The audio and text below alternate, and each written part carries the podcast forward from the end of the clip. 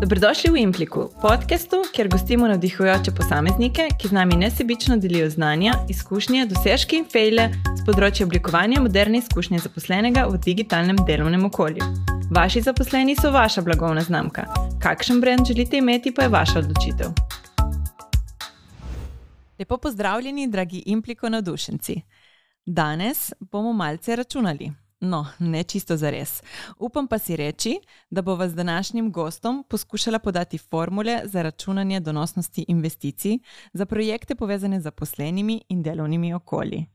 Ko govorim o donosnosti investicij, govorim o ROI-ju ali Return of on Investmentu.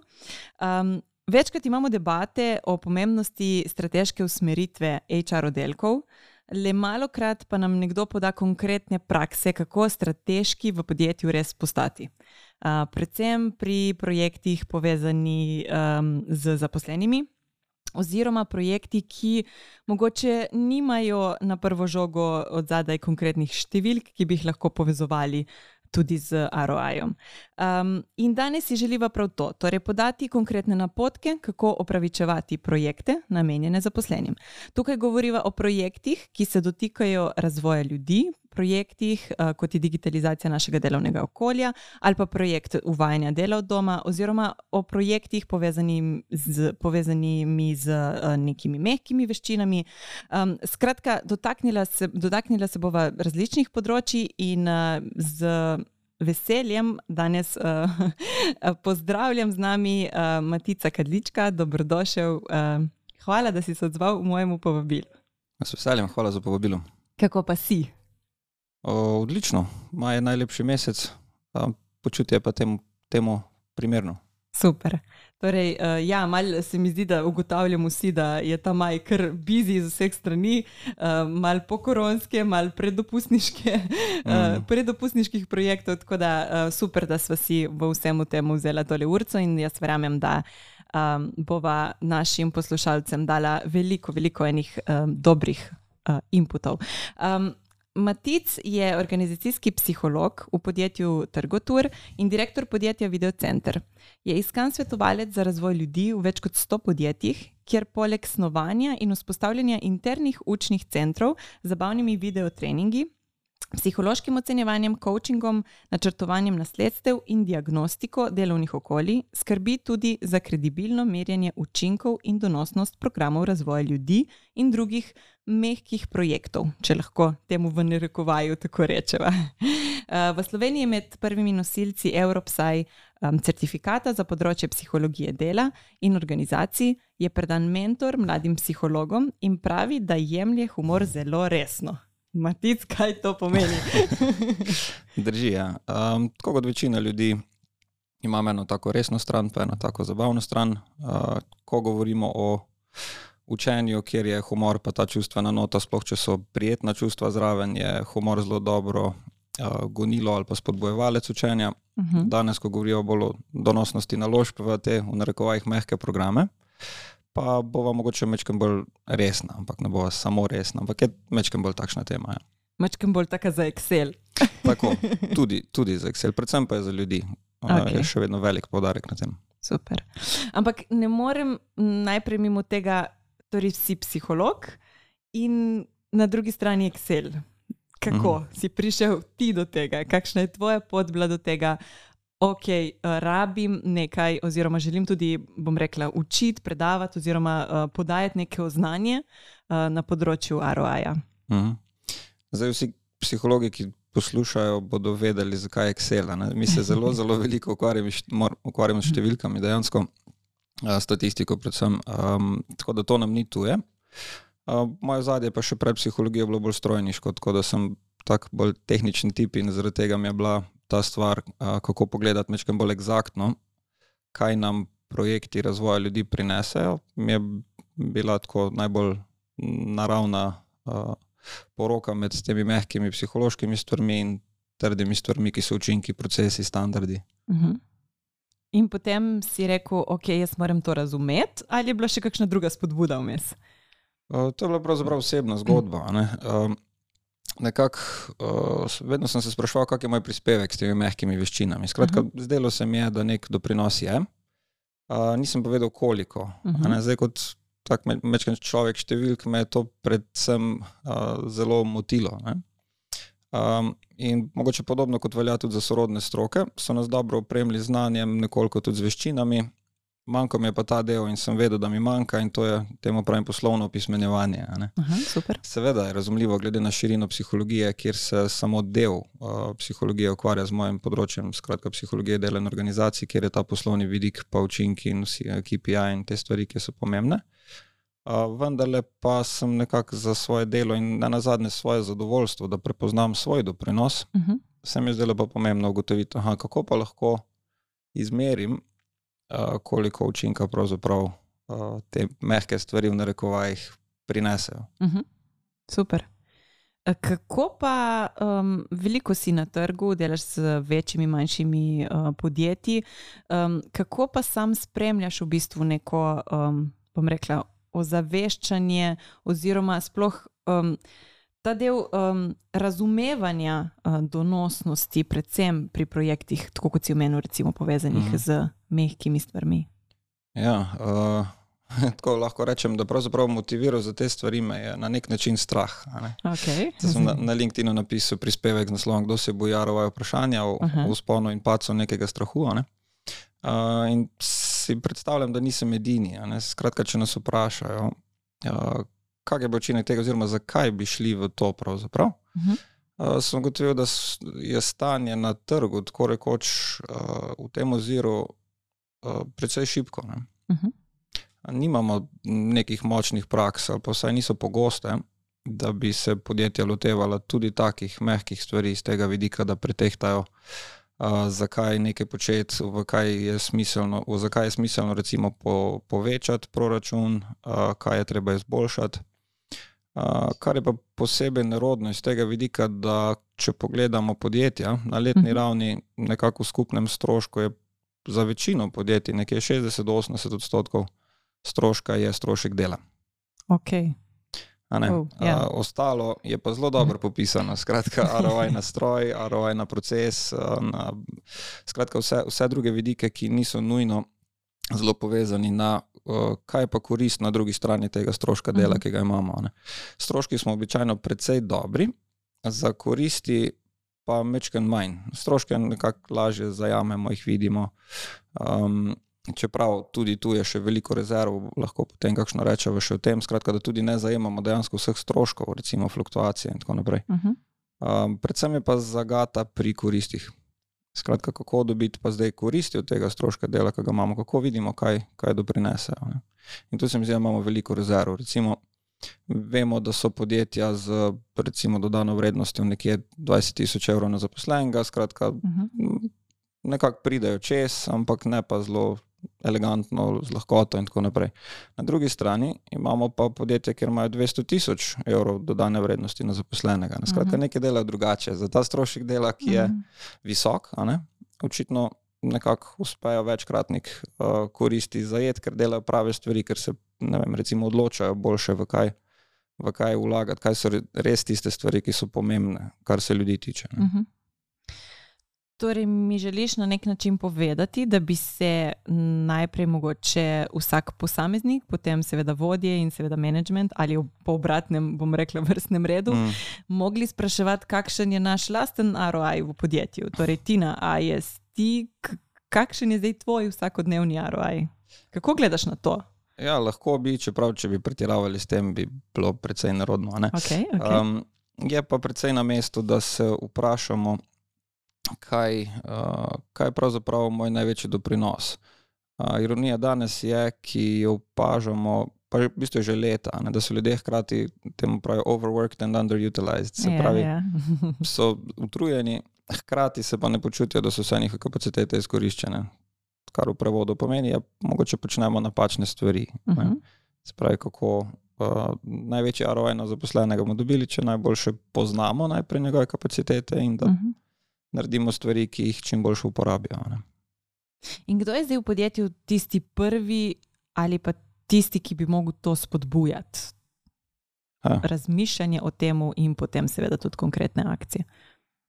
Um, govor je ja, vsi, oziroma kdo, kdorkoli, pravzaprav, da ni tisto, ne, somebody, ne, mora uh -huh. narediti to. Uh -huh. uh, torej, um, običajno pride impuls lahko iz vodstva, recimo. Uh -huh.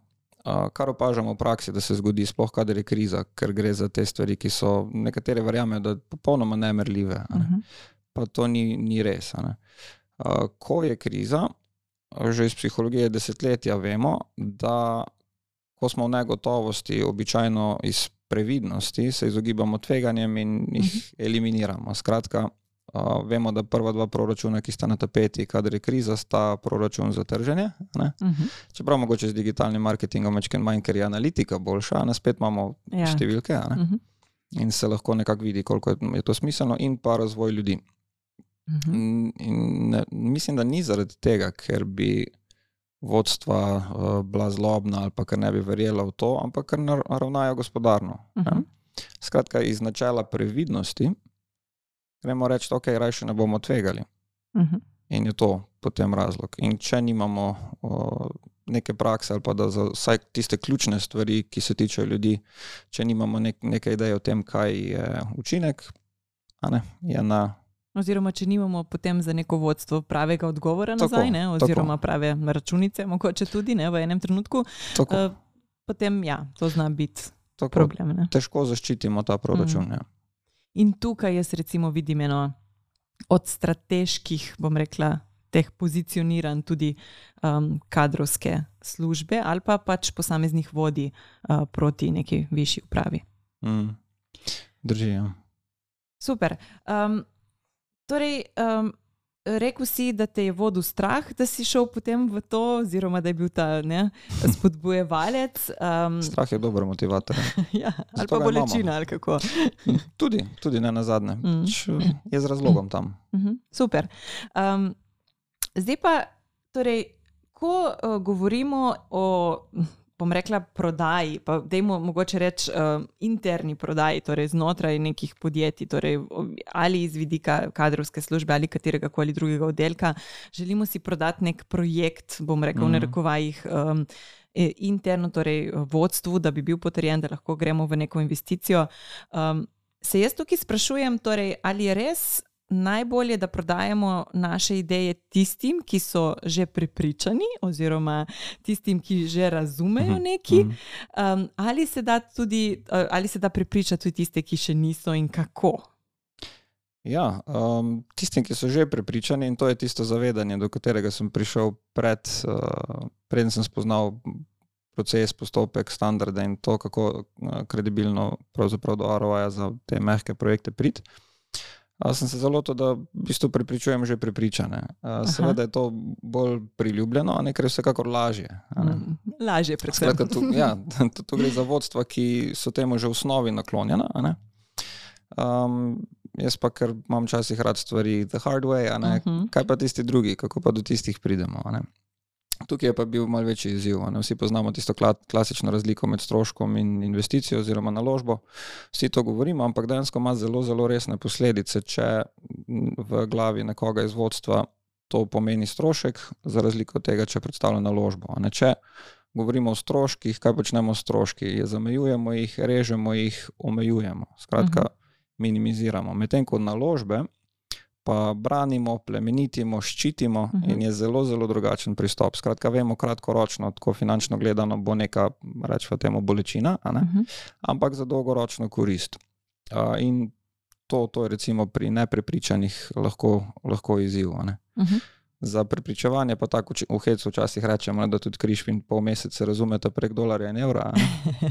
Ali pa drugače povedano, treba je najti en skupni jezik. Uh -huh. Skupni jezik, kar se mene in drugih tehnikov, s katerimi delam, bolj inženirjev, sta pa matematika in vrednost. Uh -huh. Skratka, gre za kako te mehke veščine predočiti na način, da imajo resnično trdne resnice in trde posledice. In kako?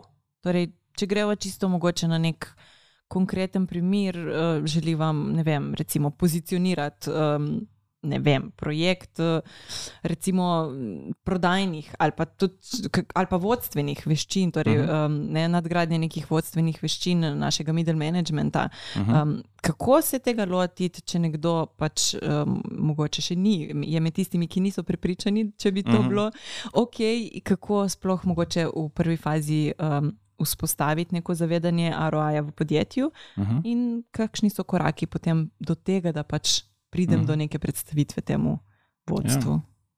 Ja, zavedati se moramo, da je uh, izziv ni samo pri vodstvu, je tudi pri udeležencih naših programov. Ne? Zakaj okay. Pa to zdaj? Zakaj pa to zdaj rabimo? Mhm. Zakaj nas pa vodstvo zdaj Večkrat slišimo. Ja. Tako je. Ja. Seveda.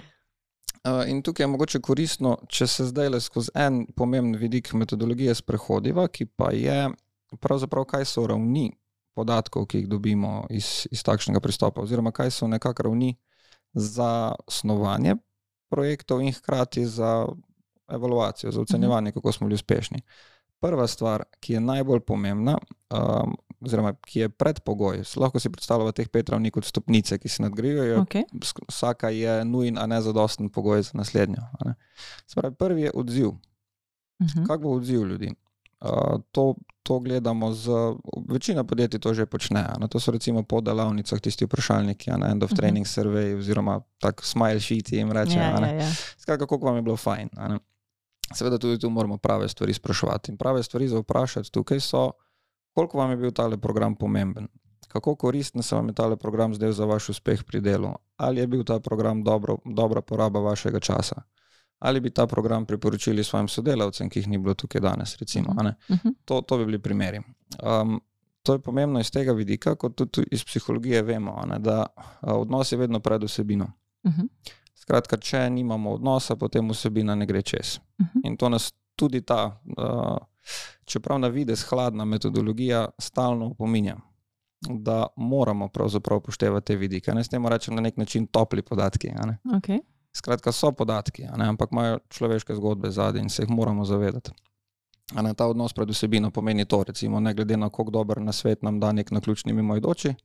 Skratka, vsebina je dobra, ampak Mhm. nimamo odnosa, ne bomo ga Mhm. poslušali. ne. Skratka, zdaj, če nimamo odnosa z ljudmi, ki bodo tisti činitelji, pravzaprav tisti, ki bodo to stvar spravili v življenje, ki bodo živeli, izvajali, a potem vsi ostali koraki padajo. Skratka, sva rekla, raven ena odziv. Okay. To je predpogoj, da se zgodi raven dva, znanje. Skratka, da, da se bodo ljudje nekaj naučili. Preverjamo, recimo, s testom čez en mesec, gledamo priklic dejstev, takšne stvari. In tukaj je pogosto težava, ki sem jo opazil tudi v praksi. Skratka, znajo, vodja pa reče potem, aha, ja, mislim, znajo, ampak ne uporabljajo v praksi. Mhm. Tudi pa to je, je pa slišano nujen večkrat. predpogoj. Tako, znanje je, je nujno, ni pa še dovolj. Okay. Ne? Potem gremo v veščino, v uporabo, to je Mhm. tretja raven. Potem se pravi, če znanje imamo, šele lahko začnemo uporabljati to v praksi. Tu gledamo pogostost uporabe nekih novih pristopov, recimo deeskalacije konfliktov, če gre za podporo strankam in podobno. ne. Skratka, vedenja, praksa, um, to, kar se potem Oprosti, v praksi ampak dogaja. kako to miriti? A imaš kakšne tako konkretne Aha. primere? Recimo? Uh, lahko, največ se tega počne z opazovanjem. Okay. Recimo, a ne opazovanje lahko kot metodo zajema podatkov uporabljamo ali za znanje, naprimer opazujemo igro vlog na delavnici, Okay. ali pa opazovanje na ravni 3, se pravi, primer tega bi bil uh, skriti kupec. Aha, okay. Ne? razumljivo. Uh, razlika je samo v tem, ali je na ravni 2 ali ravni 3, ali posameznik ve, da ga gledamo ali ne. Okay. Ne. Kaj pa recimo, vem, če govorimo o, vod, o dvigu vodstvenih veščin, naprimer, Mhm. um, kaj pa potem, kdo koga tukaj opazuje? Mhm. Um, običajno, zdaj, odvisno je, kaj je cilj tega. Ne? Se pravi, Mhm. vedno začnemo s ciljem v mislih, in žal je tukaj tisto, kjer večina programov nekako je neuspešnih že v štartu, oziroma nima dobrega temelja, ker teh stvari ne dorečemo dovolj dobro. Uh -huh. Skratka, kaj so pravzaprav tiste metrike, ki jih želimo spremeniti? Uh, da se ne zgodi ti scenarij, da rabimo team building. Ja, ok, ampak zakaj? Uh -huh. kaj želimo spremeniti, če se želimo več, če se želimo manj, če, kaj želimo drugače. In Dokler tega ne definiramo, je vprašanje, če bomo cilj tako na ključno zadeli, če ga Mhm. nismo dobro postavili. okay. Pa, A, pa na tako. podlagi cilja pač vidimo tudi za vse te interne zadeve, na kak način v bistvu. Tako, tako. Eh, bi To nam določa vse kdo- druge korake. Uh -huh. Super. Okay. Tako, začnemo s ciljem v mislih. Skratka, to je uh, raven 3, sva rekla, ne uporaba v praksi. Mhm. In če uporabljajo v praksi, potem in šele potem se lahko zgodi raven 4, ki je učinek. To so pa recimo KPI, recimo zmanjšamo število pritožb, Uh -huh. uh, povečamo prodajo. To je tako tudi najbolj en- enostaven primer za spremljati uspešnost teh programov. Uh, pa je tudi še nekaj pomembnih korakov, ki jih lahko menimo, recimo koliko prodaje lahko pripišemo konkretno temu programu, ker celega dviga, recimo, da bi bil 20%, ne moremo. Uh -huh. Itak. Več stvari vplivalo mm -hmm. na Mhm. to.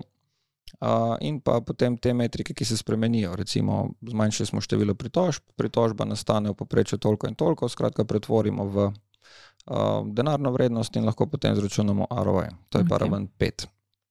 A zdaj, stvar pri ROI enačbi pa oba veva, da je naslednja. Ne? In sicer to je, da je enačba izjemno enostavna. To je seštevanje, odštevanje, množenje, deljanje, znal bi vsak četrtošolec. A, kar pa je problem pri tem, pa je, kaj gre v števci in kaj gre v imenovalce. Uh -huh.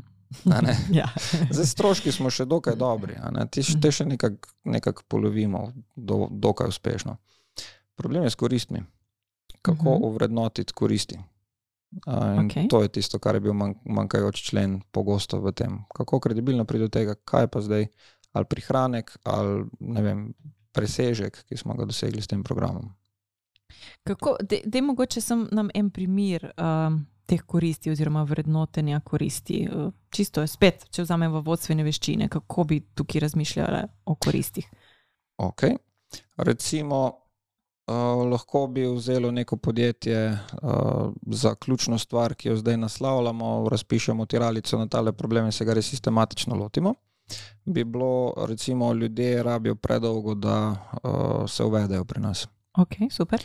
Recimo, ne vem, eno leto, pa še vedno ne, ne obvladajo vsega. Radi bi to skrajšali na vem, devet mesecev. Uh -huh. Okay? Že imamo eno konkretno stvar okay. ki jo lahko preverjamo. Ne. To bi lahko bil en, en tak uh, na, na ra- ravni štiri učinek, uh Mhm. -huh. ena stvar, ki jo zasledujemo.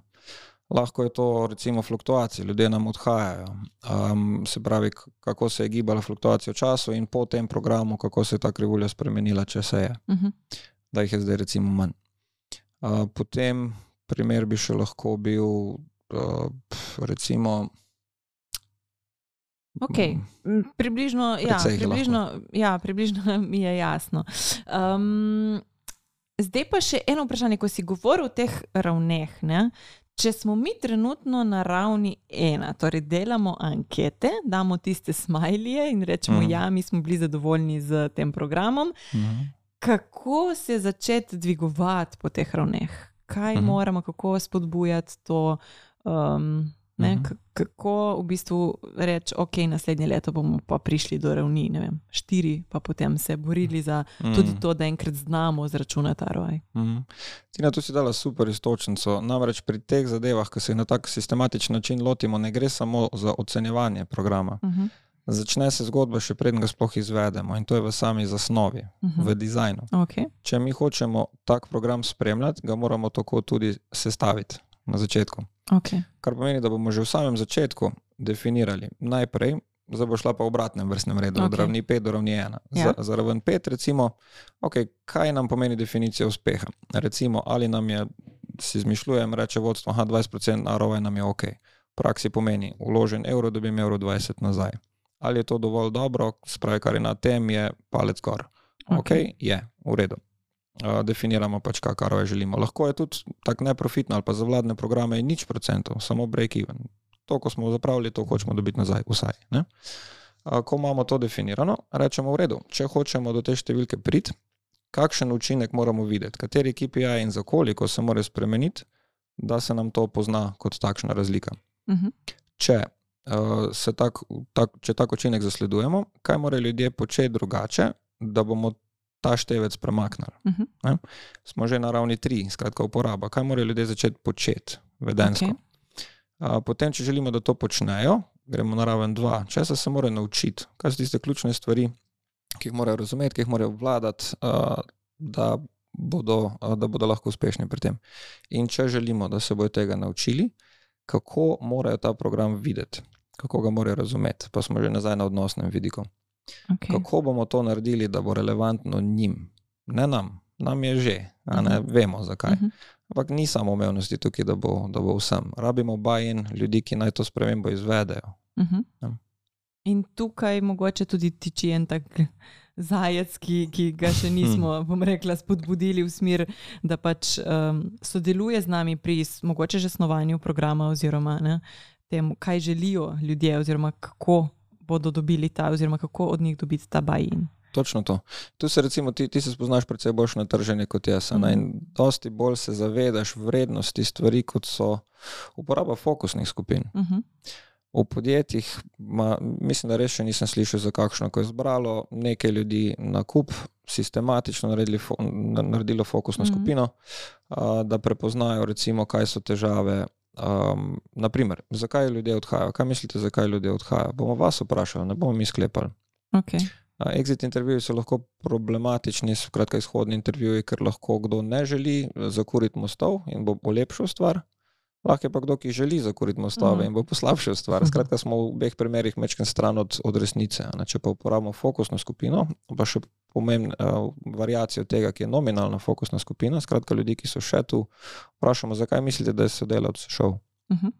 Ne, sodelavca ne moramo več vprašati, že je šel.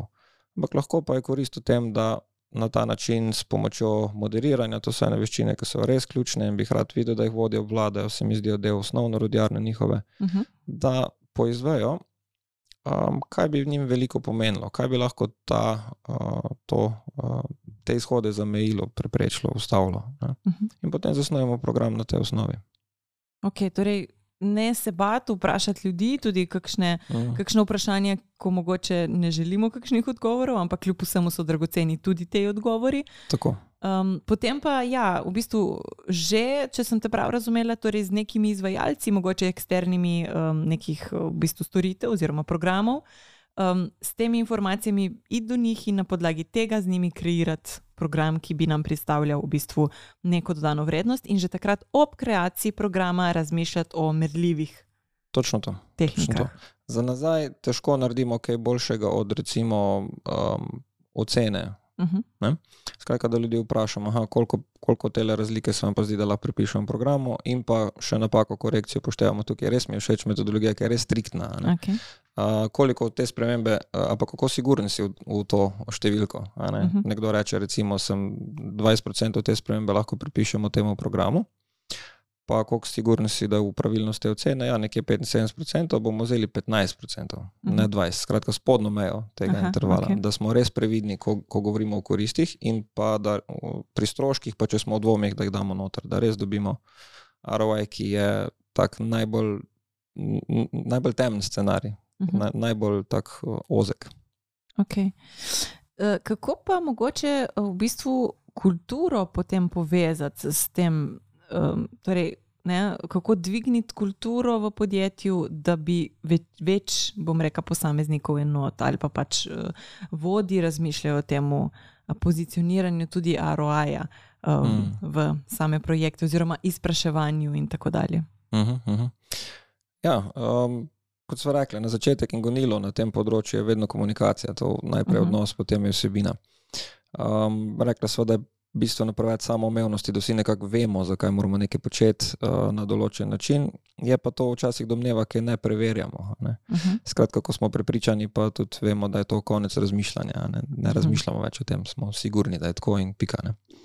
Um, skratka, um, ena od koristi, tukaj, ki se mi zdi pomembna za izpostaviti za, za vpliv na kulturo v podjetju, je, da uh, komuniciramo rezultate nazaj. Uh mhm. -huh. V tem smislu, da pomagamo ljudem videti in razumeti vrednost njihovega dela. Okay. To se mi zdi, da marsikje manjka, ker ne dobijo nazaj tistega, kar, kar so oni pomagali ustvariti. Uh mhm. -huh. In je zelo, zelo močna komponenta pri vseh tovrstnih projektih, dizajna, evaluacije in procesne, izboljševanja procesa, um, da izdatno komuniciramo. Okay, torej to je komunikacija tega, zakaj, zakaj nekaj počnemo in kaj bo nek output in tako dalje. Točno to. Ne, v šali rad, rad rečem, da smo z najbolj kapitalistično enačbo, ne, ki je uh -huh. ROI enačba. Um, Dokazali, da je imel Marks prav, skratka, v tem smislu, da mora človek videti, kaj so rezultati uh mhm. -huh. njegovega dela in da to ključno vpliva na, na njegovo počutje. Uh -huh. Za vse to situacijo. Tako. Uh -huh. v končni fazi govorimo o lastni izkušnji tukaj. Skratka, kaj je meni manjkalo? Manjkal mi je stik s tem, kakšen je učinek tega, Mhm. kar počnem. Ja. Medtem- To je tvoj namen tega sploh, kar Tako, ne. to je torej purpose. osmišljanje. Ja, ja. Tako gre, gre, gre na kar, kar globoke ravni lahko. Skratka, Ampak zakaj misliš, da v bistvu se o tem premalo sprašujemo, oziroma to premalo komuniciramo? Kje tle, to je zelo zanimivo, oziroma tako, ko razmišljam čist praktično, oziroma v praksi, je resnično tako, da premalo krat povemo ali skomuniciramo ravno ta namen nečesa, zakaj, kako bomo prišli do tam, zakaj mirimo, mm. uh, kakšni bodo outputi ne, in tako dalje. Um, ne vem, zakaj, kje. Mm. Uh, pa sam bi domneval, ali pa mečkaj ugibal, da ima veliko zveze z tem, kar poznamo iz, iz psihologije, recimo temu pravimo miselna popačanja oziroma distorzija. Eno od Aha. njih je branje misli. Okay. Najbolj pogosto v partnerskih odnosih, mimo grede. Skratka, se pa, se pa veš, kaj jaz mislim. ja. A, in podobno se zgodi v, a, pri, pri vodstvih. Ne, se mi zdi tako temeljno a, gledati učinek, da je plusa več kot minusa ena in uh Mhm. -huh. take stvari, da je v bistvu predpostavka, da mogoče, če jim gremo to razlagati, da jih bomo užalili. Da je to Aha. toliko učinkovito, mislim, toliko očitno, Uh -huh. da nima smisla zgubljati časa in besed s tem. Uh -huh. Okay, ja, razumem. Tem, ko je pač to zopet neko prepričanje, ki ga mogoče nismo preverili, a res Mhm. uh -huh. vejo, zakaj, zakaj je to a, tako. Ne? A, skratka, je pomemben ta vidik komunikacije tukaj. Uh -huh. Ok, ja, uh, razumem. In bi rekla, da se kar strinjam, da včasih uh, vzemamo nekatere stvari za preveč um, kot vodje, ne? preveč samoumevne ali pa nam so znane, pa mogoče zato tudi ne damo nekega poudarka, ampak Mm. m, se mi zdi, da večkrat, vsaj iz lastnih izkušenj, se mi zdi sodeč, ko razmišljam tudi o tem, da jim vse to moram recimo svojim razložiti, Mhm. vidim konkretne v bistvu potem tiste. Um, Tudi misli njihove, ko začnejo drugače delovati, oziroma me začnejo spraševati druge stvari, kot pa če bi samo podala recimo neko delovno nalogo in rekla, dokdaj mora biti narejena. ne. Tako. Um, tako da, Pogosto manjka odgovor na zakaj. Ne? Vemo, Mhm. že za vodje je zelo koristno, da obvladajo tako imenovana strukturirana sporočila, ne skratka Mhm. za navodilo podati, to je kaj, zakaj in kako. Mhm. Pogosto ta zakaj zmanjka. uh -huh, Pravi, želim, da narediš tole oziroma tole drugače, ker. uh -huh, Ne, ta ker in tropiče je zelo, zelo pomembno. In ta, to je tisti del, ki ga pogosto spustimo, ne, ker mislimo, da je samoumevno, pa, Mhm. pa mogoče ni. Ne. Res je. Uh, kaj pa vidik risk managementa v celotni tej enačbi? To se tudi dosti krat sprašujem in mislim, da tudi ta del dosti krat pozabimo. Uh -huh. Kako upoštevati torej pri vseh teh iz, izračunih ali pa razmišljanjih o neki številki, uh Mhm. -huh. tudi ta del, kaj pa v bistvu, če gremo v to, pa ne bo ok, kako, kaj ne. Uh -huh, uh -huh. Zdaj, v finančnem smislu, strokovnjak za risk management nisem. Ne? V psihološkem smislu, kar se risk managementa tiče na osebni ravni, kako ga upravljamo, upravljamo smo pa rekli že prej. Ne? Skratka, v Mhm. negotovosti je odgovor ne. Okay. Ne? Strah me je, ne vem, kaj bo, rajši se umaknem. In riskiram pravzaprav eno drugo stvar, ki pa je, mogoče sem pa ukinil program, ki, zelo, ki ima zelo dober donos, pa tega ne vem. Yep. In to se z meh- mehkimi veščinami pogosto zgodi. Uh, objavljenih je preko 400 študij primerov. Mimo grede, če kdo od poslušalcev želi kakšno za kak poseben primer, za recimo hibridno delo, kako se to obnese in Mhm. podobno, mi lahko uh, piše na LinkedIn, me enostavno najde. Je recimo, se skaže, da so ROI za take projekte lahko bistveno višji kot za kapitalske investicije, ker je 15% recimo kar ok. Naprimer, kupiš stroj, kupiš stavbo, ta, za evro dobiš evro 15 nazaj, ti je to že kar ok. Ne? Medtem ko za mehke veščine se pa pogosto izkaže, da so lahko bistveno višji kot to.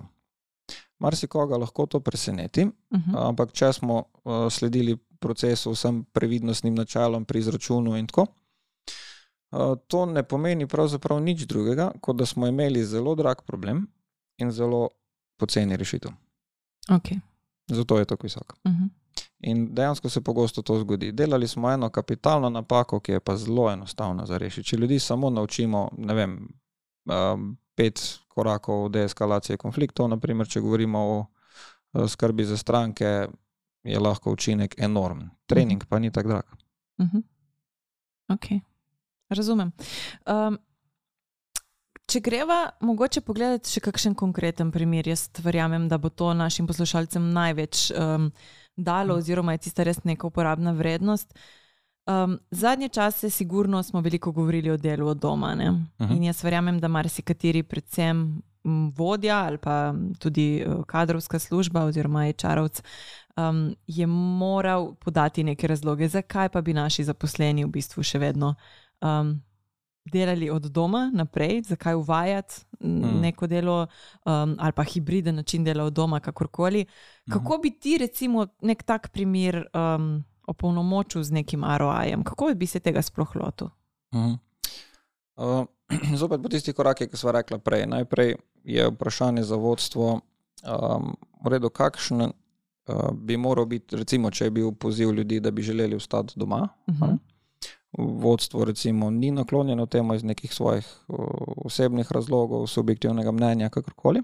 Ok, pač imamo enostavno neprepričanje, če se vrnemo na Tako, začetek. tako, ne. tako. Kar je pač ok, vemo, kakšna je ne, osnova, in zdaj jaz še vseeno, pač, ne bom rekla, ne bom se predala, ne, Mhm. kako pa zdaj. Okay. Um, zopet bi šli po tem, tem pogovoru, za kako um, pravzaprav uskladiti naš program s poslom. Uh -huh. Uh, vprašanje bi bilo najprej, v redu, kakšen naravoj bi moral biti uh, na, na programu, Mhm. da bi želeli, da bi rekli, da tole je smiselno ohraniti. okay.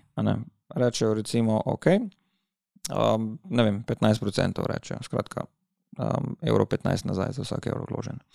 Um, okay, če hočemo to doseči, katere metrike bi bilo smiselno gledati, da o, se pravi, kakšne pluse nam to prinese, ali pa kakšne minuse nam lahko to odstrani. Uh -huh. Samo eh, tle bi te prekinil, prosti. Uh -huh. um, torej, teh 15%. Uh Mhm. -huh. uh, Na podlagi česa jaz rečem, ok, 15%, gledam ne, nek benchmark, gledam, uh -huh. ne vem, kako, kje uh -huh. najdem to 15, ali je to kar 15? Ali... Uh -huh. Super primer. Ja, uh, za, uh, to je običajna praksa. Ne, se pravi, za, Okej. za kapitalske investicije je pogosto 15%, za mehke programe, evo tu pa vidimo, koliko so zahtevni do nas, je pa običajno 25%. Okay. Ampak ok, um, nič hudega. Običajno to niti ni zelo, zelo težko doseči, če smo program dizajnirali prav. Mhm. Um, skratka, ko definiramo, naprimer, kaj vse, na kaj vse vpliva vprašanje dela od doma, ali nam vpliva na prevoze, ali nam vpliva na uh, odzivnost, ali nam vpliva na delovni čas. Uh, skratka, to bo sigurno Fluktuacijo? tako, mogoče Mhm. fluktuacijo. Recimo opažamo, da naprimer s fokusno skupino, ki jo premalo uporabljamo Aha. izven marketinga. Ne, um, Bi, bi se izkazalo, da vidim, da vse druge firme iz naše branže so ohranile delo doma, mi pa ne, jaz grem konkurenci. ne. Ja. Recimo, ne. če smo to prepoznali, aha, ok, v bistvu vplivali bomo na fluktuacijo s tem tudi. Uh -huh. Um, in rečemo, ok, se pravi, da te vidike, ki smo jih zdaj opredelili, kot da nam bo prinesli koristi ali pa zmanjšale izgube, Uh -huh. stroške, pa rečemo, ok, da, da zdaj te polovimo, zopet, kaj moramo ljudi naučiti in koga. Ali, mogoče bo to vodje v tem primeru. a Uh ne. -huh. A potem, če hočemo to počnejo, kaj morajo znati, če hočemo to znajo, kako morajo ta program videti. Uh -huh. In to vse opredelimo, preden kakršen koli program sprožimo, da ga začnemo izvajati. a ne. Um, pogosto je tako, a ne, da večji strošek za razvojne programe ni trener ali pa program sam Mhm. in tako naprej, ampak so človek, ure ljudi, ki so. Skratka, interni strošek ali pa oportunitetni strošek tega časa šolanja. se ti zdi, da te, to kar mal pozabimo? Uh, pa mogoče v mačkem bolj izkušenih ali pa razmišljujočih podjetjih niti ne, marsikje pa ja. Ne, skratka, Mhm, vidijo trenerjevo ceno in se mi zdi, uf, to je pa preveč. ne. Ja. Ja, okay. um, Dajmo se pa vprašati, recimo, ok, vzeli in bomo, si izmišljujem, recimo 4 ure za delavnico, 12 ljudi bo tam, krat njihova urna postavka v poprečju, pa vidimo, da je bistveno več kot to lahko. Recimo. Uh -huh. A zdaj pa se vprašajmo, če ta program ne bo dober, smo to pravzaprav vrgli stran. ne. Mhm.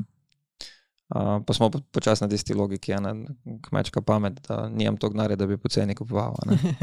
Um, tako, skratka, na ta način gre. Ali pa da nam v bistvu urodje tistim, ki se s temi stvarmi ukvarjajo, da se izognemo scenarijem, ko pride podjetje z samo diagnozo. Ne, recimo, najbolj tak trivialen primer bi bil, hočemo team building, pa jih vprašamo, uh Mhm. -huh. zakaj. Skratka, pride z samo diagnozo in mi rečemo, ja, ok, bomo pač po vašem nareku to naredili. Uh -huh. Rezultat je, da seveda je zelo velika verjetnost, da to ne bo spremenilo prav ničesar, ker nismo naredili diagnostike dobro. In krivi bomo pa mi, ki smo izvedli. Ne? Podobno kot bi mi prišli zdravniku, mu rekli, da tole in tole zdravilo mi daj in mi ga da in jaz grem in je nekaj narobe. Uh -huh. Skratka, jaz ne bi imel takega zdravnika, verjetno ti tudi ne. ne? Uh -uh. Skratka, vloga strokovnjaka in to na vse uh, poslušalce apeliram, je, da če ste vi strokovnjak za to področje, ste vi tisti, ki postavljate diagnozo. Okay.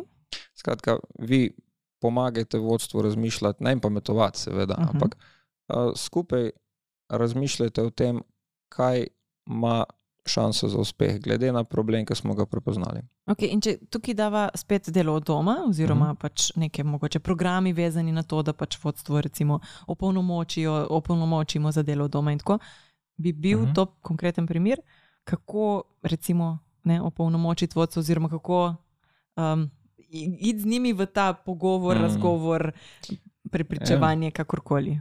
Nekaj študij primerov na to temo obstaja. Na, jaz bi na, na, na mestu, recimo, kadrovnika, če je s takim izzivom soočen, bi šel poiskat študije primerov. Uh mhm. -huh. Obstajajo.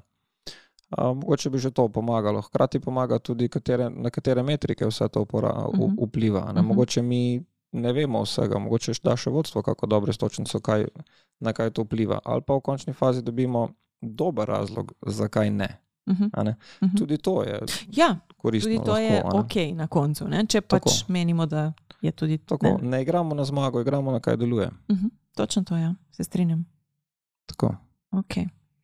Um, Máš še kakšno uh, dobro prakso, slovenski mednarodni prostor, kakorkoli, um, ki bi jo rad podelil z nami?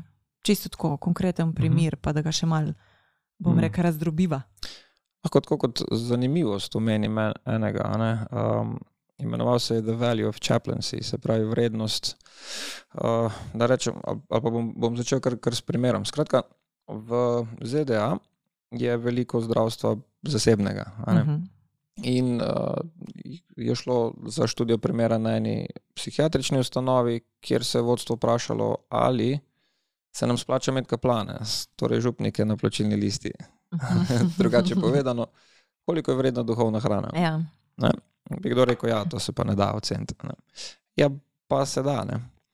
Gledali so recimo, kako prisotnost uh, kaplana, njegova razpoložljivost storitve, kako temu rečemo, ne, vpliva na število napadov na osebje. Ne, se je zgodilo. Uporabniki tam uh, so občasno recimo, napadli um, koga iz osebja, sledile so tožbe odsotnosti ne, in take stvari. In se je izkazalo čisto lepo, da tam, kjer so bili kaplani na voljo, je bilo tega bistveno manj. Uh mhm. -huh. Seveda so še vzrok in posledico raz, um, razvozlali. Um, ampak izkazalo se je, da ja, že samo po tem kriteriju si več kot zaslužijo svojo plačo. Ne, to je bilo okay. sebi zanimivo. To je en tak tuj primer. Pri sistematičnem pristopu v, v Sloveniji lahko pa podelim en, eno izkušnjo, recimo iz področja energetike, okay. kjer pa že tekom procesa se kažejo uh, tako čisto oportunitetne koristi, ne samo oportunitetni stroški. In sicer, recimo, zraven ena smo že tako izboljšali pri njihovem programu uh, kontinuiranega šolanja, že sam ta end of training survey. Recimo, prej so jih spraševali stvari, kot so uh, inštruktori, ima veliko znanja. Ne? Kaj je problem s tem vprašanjem? Jo vsi poznamo, kako ima veliko znanja, pa nas ni ničesar naučil. Aha, okay. Bolj fajn, da si ja, dober, ja, ja, ja, ampak jaz nisem načrten. Ti si super, ampak. Tako, skratka, ni dobro vprašanje. Razumem. In vsako vprašanje, ki ga damo, ljudem jemljemo čas in to nam zamerijo, če uh -huh. ni mhm. to pravo vprašanje. Skratka, da dobro premislimo. Uh, in smo ga zamenjali, recimo, inštruktor uh, je odgovoril na moje vprašanje. Uh -huh. To je tisto, kar je bolj pomembno tukaj. Ne? Potem pomagali smo že, že tekom tega, da so se prvič vprašali, po koliko nas postane ena ura izpada na tem procesu. Uh -huh. uh -huh. Da najdemo standardno vrednost za njih. Aha, ena ura nas stane toliko, tega nismo vedeli prej. In nas je pravzaprav postopek evaluacije oziroma v njihovem primeru izboljšanje procesa šolanja, ker je mhm. obvezno, nujno, ne morejo ga opustiti, ker je stvar varnosti, ne? ga ne potrebujejo, zares jih pa zanima učinek. Ravno zaradi tega, ker se ga ne morejo znebiti, je toliko bolj pomembno, da ga izboljšajo. Uh mhm. -huh. Skratka, zdaj vidimo, kje se recimo zalomi, če se, a ne skratka, recimo, da se naučijo, pa ne uporabljajo. Aha, vemo, ok, težavo imamo med ravnjo 2 in ravnjo 3. Kako jim bomo olajšali prenos v prakso. Pogosto vemo, razlog številka ena, da, da šolanje ne deluje v podjetju, je manjko podpore neposrednega nadrejenega. jih pošle na šolanje, a ne zdaj jih vi tam porihtajte. Ja, ne. zrihtajte jih, Ja, pa ja, pa bo jih pošljemo okej. hranatlu. ne. Ja. Um, potem pa ni spremljanja, ni opazovanja, ni spodbujanja. Zakaj? Ker, ker že prej nismo ravni ena tudi za te vodje rešili. Skratka, vodje uh -huh. ne Mhm. vejo, zakaj je to tako zelo pomembno. Recimo. Ali pa če vejo, ne znajo tega spodbujati, ne znajo tega spremljati. Okay. Res postane ena stvar, ki je um, zelo, zelo usmerjena, um, uh, zelo usmerjena v cilj, v tisti konkreten problem, ki ga rešujemo. In Mhm. vse se začne s tem, ne, da ti to začne z zakaj. Ne. Okay, ja. Če nimamo odgovora na zakaj, je veliko vprašanje, kaj delamo, in se mogoče ljudje upravičeno um, sprašujejo, zakaj nam je pa bilo zdaj tega treba. a Mhm. ne. ja, ja, Mogoče odgovor res nam ni bilo treba.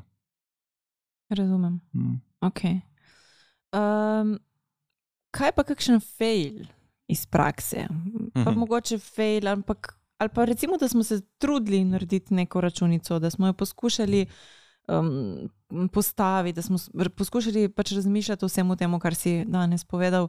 Mhm. Mm, Pa ne vem, kje se nam je pa zalomilo, ali pa a smo Mhm. vzeli kakšno drugo, bom rekel, napačno komponento v samo formulo. Ja, lahko povem čist svoje fejle in bilo jih je veliko. Pravzaprav, recimo, prvi, okay, razen to, da nismo začeli se bolj resno imati že prej, okay.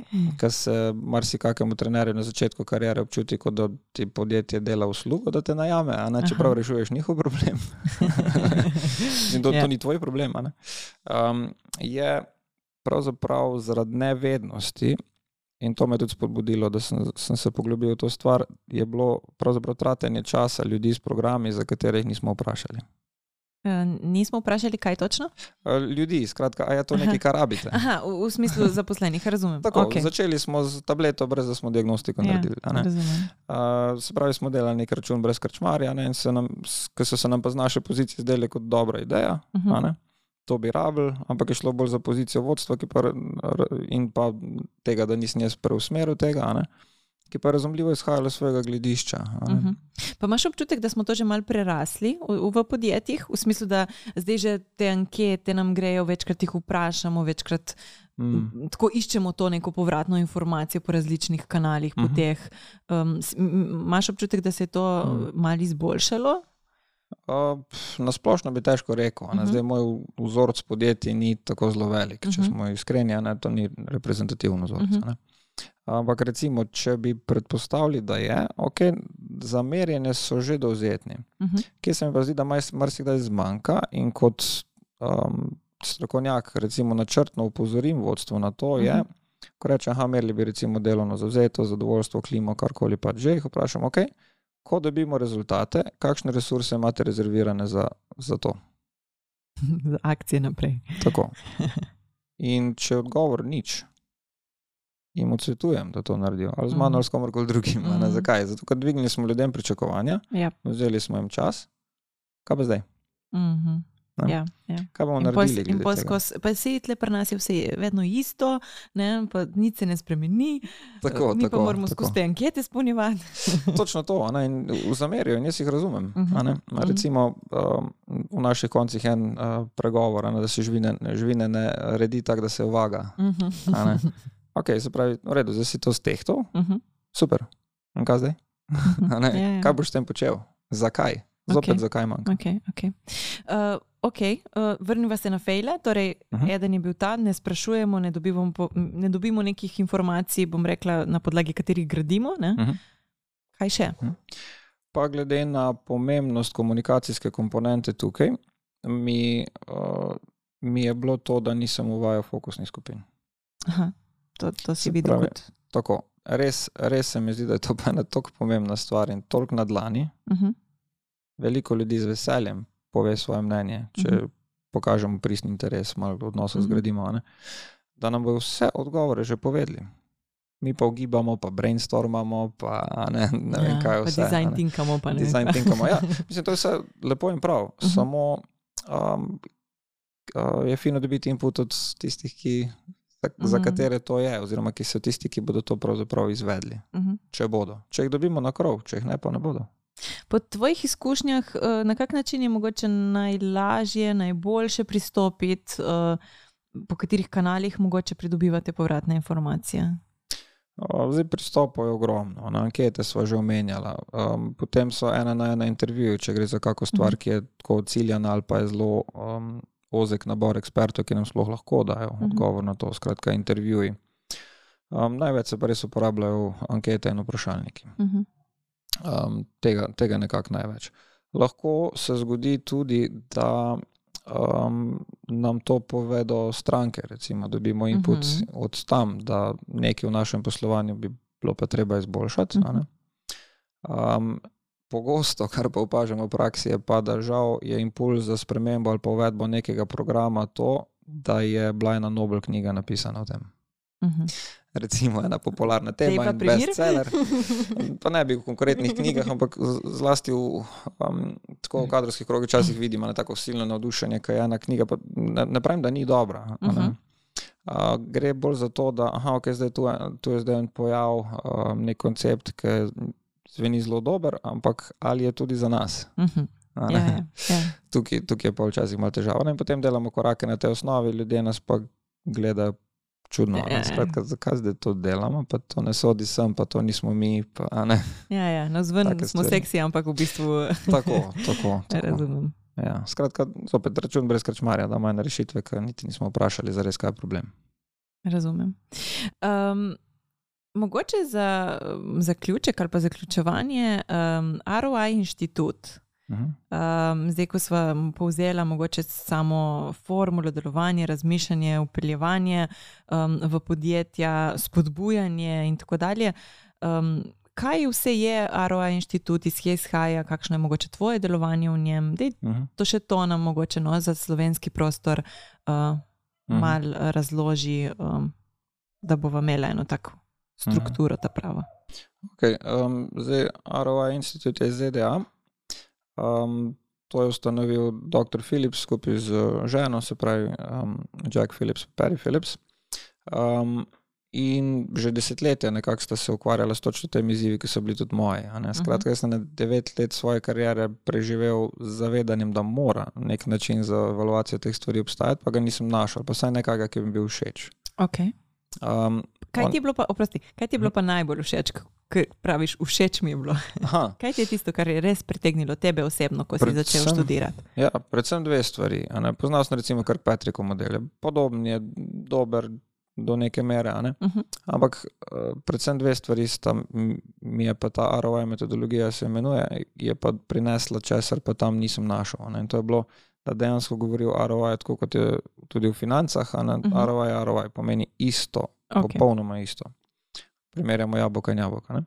Druga stvar je pa, da vključuje pristope, kako izolirati učinke programa. Ne, recimo, ko smo uh -huh. rekli za primer prodaje. Naprimer, imeli smo trening, prodaja se je zboljšala za 20%. Mi, kot trener, pridemo na vdušenih vodstvo, rečemo, da 20% te izboljšave znamo zračunati, koliko je to v evrih, je pa zaradi nas in zračunamo ROI na to. Seveda se oglasi direktor prodaje in reče: Oko, čakajte malo, ne uh -huh. bomo še upoštevati. Vem, trge, trge nove smo odprli, nove produkte smo lansirali in tako naprej. In tako uh -huh. naprej. Skratka, težko bomo kredibilni s tem, da rečemo, da teh 20% je pa naših, v narekovaju. Uh -huh. Skratka, mi je bilo všeč, ker vključuje tudi načine, kako kredibilno pride do tega, kak delež te spremembe je pa možno direktno pripisati temu programu. Vsega uh -huh. zelo verjetno ne. Na vsako stvar vpliva en kup stvari. Super. In kako okay. to razločiti. Tako, se pravi, Arova institut, pa mi smo v bistvu partner za Slovenijo in Adrijo regijo. Okay. Kar se metodologije tiče, pa v um, storitev svetovanja, coachinga na to temo. Um, in pa tudi pomagamo pravzaprav um, strokovnjakom na različnih področjih, da grejo čez ta program tudi sami. Uh -huh. uh, jaz se tukaj ne maram umešati vmes kot nek posrednik, dokler, dokler obstaja primarni vir na voljo. Okay. Skratka, pomagam povedati. To večkrat poudarjaš tako, v najnih pogovorih. Tako, tako pojdi k viru. Ja, ja, super. Če le lahko. Uh -huh. um, skratka, da, tam, da se tam direktno šole, zdaj pač live virtual, recimo z uh -huh. ZDA direktno. Uh -huh. ROE masterclass program, pa certifikacijo, če jo hočeš upraviti, moraš svojo študijo primera narediti. Wow, da se okay. naučiš uporabe, ne samo znanje, ne uh -huh. se mhm. tu držijo teh petih ravni, ne uh mhm. -huh. pokaži, ne samo ne, uh -huh. uh, obnoviti uh -huh. z besedami. Ne. Um, tako da to. In je zelo, zelo, zelo priporočam vsakmu, ko se jemlje resno, ko hoče vedeti, kak je njegov učinek, ko hoče, da njegovo področje, njegova stroka prosperira, Uh -huh. ne na podlagi vere, da verjamemo, da to deluje, ampak na podlagi dokazov. Mhm. Super. Um, Imate tudi eh, to certifikacijo, mislim, da je ravno zdaj enkrat tudi, ne, zdaj ne vem, koliko ste že zasedeni, ampak verjetno boš to mal, imaš na LinkedIn-u oziroma lahko naši, bom jaz tudi dala v podcast od spodaj, če bo kogarkoli zanimalo, ker je ravno zdaj v tem uh, obdobju. Hmm. Um, drugače pa ja, tako kot si rekel, se verjetno obrnejo na te, na LinkedIn-u um, podatke oziroma kontakte bom tudi jaz dala na um, pod podcast. Tako da um, super. Um, kaj so zdaj, veliko sva šla čez um, in hvala ti za vse te inpute. Um, mogoče je glede na to, da sva danes malo govorila bolj o formulah o, ne, in, in o takih, bom rekla, Excel zadevah, ne, je, je mogoče bi uh, pogovarjala sva se, da bi rabila en whiteboard, da bi mal tudi to narisala Ja. ali pa um, Ja. ne, pokazala, je mogoče malo lažje imeti tudi neko sliko, ko se pogovarjamo o vseh teh stvareh. Um, kaj so zdaj te tri, recimo, neki takeawayi, ki um, bi jih ti želel, mogoče da nekdo si jih mal Hmm. še zapiše ali pa v njem mogoče mal še preštudira, um, kar Mhm. ti meniš no, po svojih v bistvu praktič, praktičnih izkušnjah, um, ali pa da so tebi konec koncev pomagali pri tvoji poti, um, tisti, ki Mhm. so vredni um, za Mhm. užep in za razmislek. Tudi okay. po najnem poslu, poslušanju najnega podcasta. Mhm. Prvi bi bil, recimo, ne podcenjevati ljudi. Ne, vključite jih, Top. a, uporabljajte pogovore, fokusne skupine, veščine moderiranja so a must za Ja, vodje, ja, niso ja. samo za, vem, na RTV in tako naprej. To je Mm. zelo, zelo široko področje. Torej, um, uporabi nekaj, kar že imaš, ne dej, dej tisto, Tako, začni tam. že Ne, pol imate, pa, ja, najti jih je treba. ja, super. Okay. Um, ne, to je podobno kot coaching. Predpostavka je, odgovore že Ja. imaš, samo moramo prah spihati z njih, Tako pa jih moramo jih najti, nazaj. pa ne. ne. Tako, pa tako. te vire vse malo spodbuditi, da začnemo jih tudi uporabljati. Tako, tako. To Super. je zato, da poskrbimo za odnos, zato da Mhm. lahko o prenosu vsebine uh, govorimo naprej. ne. Mhm. Uh, Skratka, ob enem komunicirate rezultate, da ljudem pomagate videti in razumeti vrednost njihovega dela. Mhm. a Ne, brez tega bo bajen težko dobiti. Uh, to je bilo prvo. Recimo, potem drugi, uložite trud v razumevanje vašega posla in kaj potrebuje. Uh, kaj potrebujejo ljudje, da so lahko uspešni. Mhm. Ja, in na ta način bomo doprinesli največ, kar lahko. Mhm. um, ker lahko res bolj, do, boljše vprašanja zastavljamo v vodstvu, lažje prenesemo učinek. A tukaj lahko pol povežemo ravno to, a se jaz kot posameznik vsak dan sprašujem, ali koliko je moj ROI. Tako, tako del, Mhm. del tega je bil ta, ne. Mhm. pri čemer ne, ne priporočam, da greste do mere, da krajše spance. Ne. Ja, ne, ne, Um, ne. Tukaj bolj to, ne, res, ok, 8 ur sem na delu, kaj sem zdaj res, res naredil tistega, mm. da bo pač poslovanje podjetja boljše ne, vsak dan. Tako, tako. Da. Ali razumem podjetje kot takšno, oziroma organizacijo. Zanimivo, to se zelo veliko uporablja v humanitarnih organizacijah, Združenih Mhm. narodih, um, vladah, sploh na Bližnjem vzhodu, recimo, za humanitarne projekte. Zanimivo.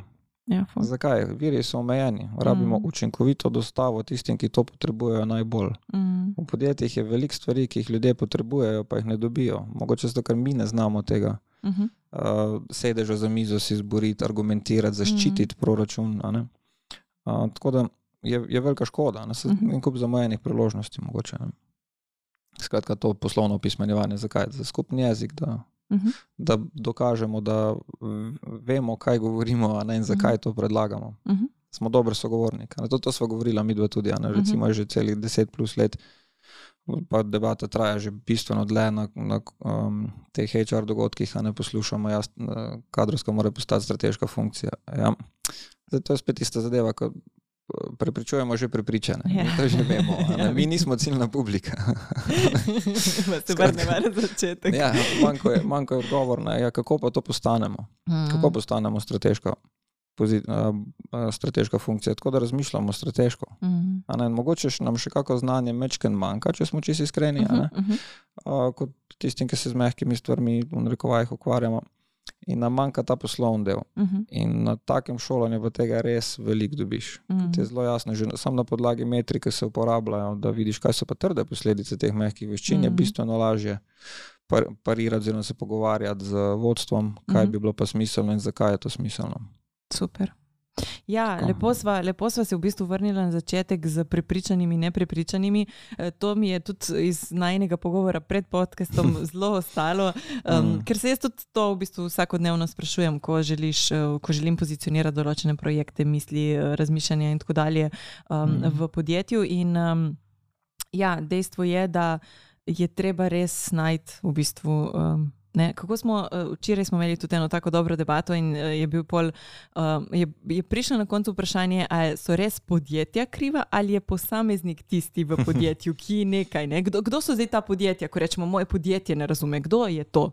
Ja. In, in pol je ta Ne? Mm. Kako pa njega ali pa njo ali neko vodstvo ali kakorkoli naslovi. Mm. Torej, vedno imamo nekoga in ne, zdaj tukaj samo mogoče res ta prevzem odgovornosti in razmišljati, katere so poti, na kak način, ali je to ROI, ali moram nekaj drugega narediti mm. in tako dalje. Ne? Iskati, kot si rekel, neke dobre case, mogoče mm. študije primerov in tako dalje, da pač lahko pridem, oziroma da lahko tiste neprepričane malo nagovorim, da, ali pa jih porinem proti prepričanju. Tako, da izboljšamo svoje kajse. Super. Ja, Matic, najlepša hvala. Um, meni je bilo veselje in uh, jaz mislim, da to debato bomo imela um, sigurno še kdaj, oziroma mogoče še kakšen tak konkreten primer. Um, jaz jih imam kar nekaj v rokavu in potem je tisto, ne, kako zdaj bi mi to res zračunali in dali v Excel in uh -huh. tudi to uh, dali, bom rekel, ali pa um, namenili našim uh, poslušalcem. Um, tako da sigurno se. Um, še kdaj srečava, slišiva in še kakšno rečeva. Um, tebi uspešno delovanje na tem področju in jaz verjamem, um, zato smo se tudi v bistvu ujela, ker verjamem, da si strokovnjak in da znaš to na tak pravi način tudi v bistvu predajati naprej. Um, tako da hvala, da si si vzel čas. Um, tako kot sem rekla, vse podatke in tvoje kontakte bom dala tudi uh, v podcast od spodaj. Uh, tako da verjamem, da v bistvu te bo vsak, ki si želi še malo več, še kakšen korak na tem področju narediti, uh, tudi. Um, kontaktiral, oziroma ne se bat, kako kontaktirati. Ne, to pa prosim, ne, strah je podveč. um, ja, našim, oziroma vam, poslušalcem, pa se lepo tudi zahvaljujem za poslušanje te epizode, za deljenje. Uh, hvala za tudi klik na uh, like, share, kakorkoli, in uh, se slišimo uh, v prihodnji epizodi. Najlepša hvala, Matic, uživaj. Enako, hvala.